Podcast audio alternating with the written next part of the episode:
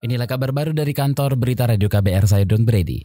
Presiden Joko Widodo berencana menghapus jabatan eselon 3 dan 4 pada struktur keorganisasian di kementerian dan lembaga negara. Saat menyampaikan pidato perdana usai pelantikan dirinya kemarin, Jokowi menyebut jabatan di kementerian dan lembaga negara selama ini terlalu banyak dan tidak efisien. Menurut Jokowi, penghapusan jabatan struktural eselon 3 dan 4 bisa diganti oleh pejabat fungsional. Eselonisasi harus disederhanakan. Eselon 1, eselon 2, eselon 3, eselon 4. Apa enggak kebanyakan? Saya akan minta untuk disederhanakan menjadi dua level saja. Diganti dengan jabatan fungsional yang menghargai keahlian, yang menghargai kompetensi. Presiden Jokowi juga mengatakan penyederhanaan birokrasi akan dilanjutkan secara besar-besaran pada periode kedua pemerintahannya. Struktur jabatan yang bertingkat banyak hanya menyebabkan birokrasi berbelit-belit. Jokowi meyakini birokrasi yang sederhana bisa mendatangkan banyak investasi yang akhirnya juga akan menciptakan lapangan kerja.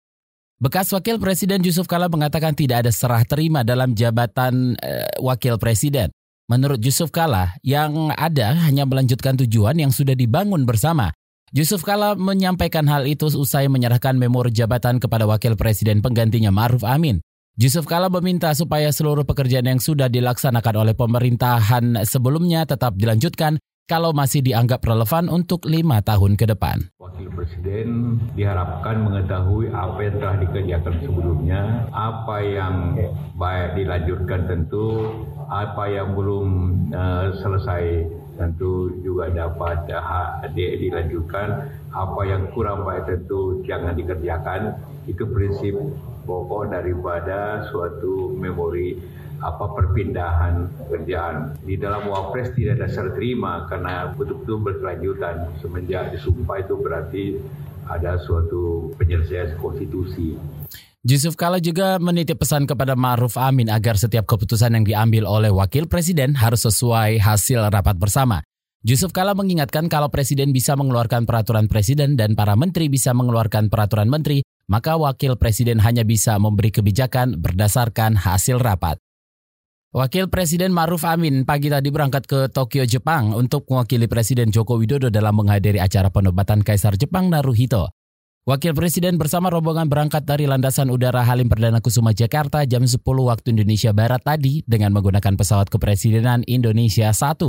Wakil Presiden Maruf Amin dijadwalkan tiba di Bandar Udara Internasional Narita, Jepang jam 19.30 malam waktu setempat. Agenda pelantikan Kaisar Jepang berlangsung pada Selasa besok jam 1 siang waktu setempat. Usai pelantikan, Wakil Presiden Maruf Amin dan rombongan dijadwalkan kembali ke Jakarta pada jam 5 sore waktu setempat.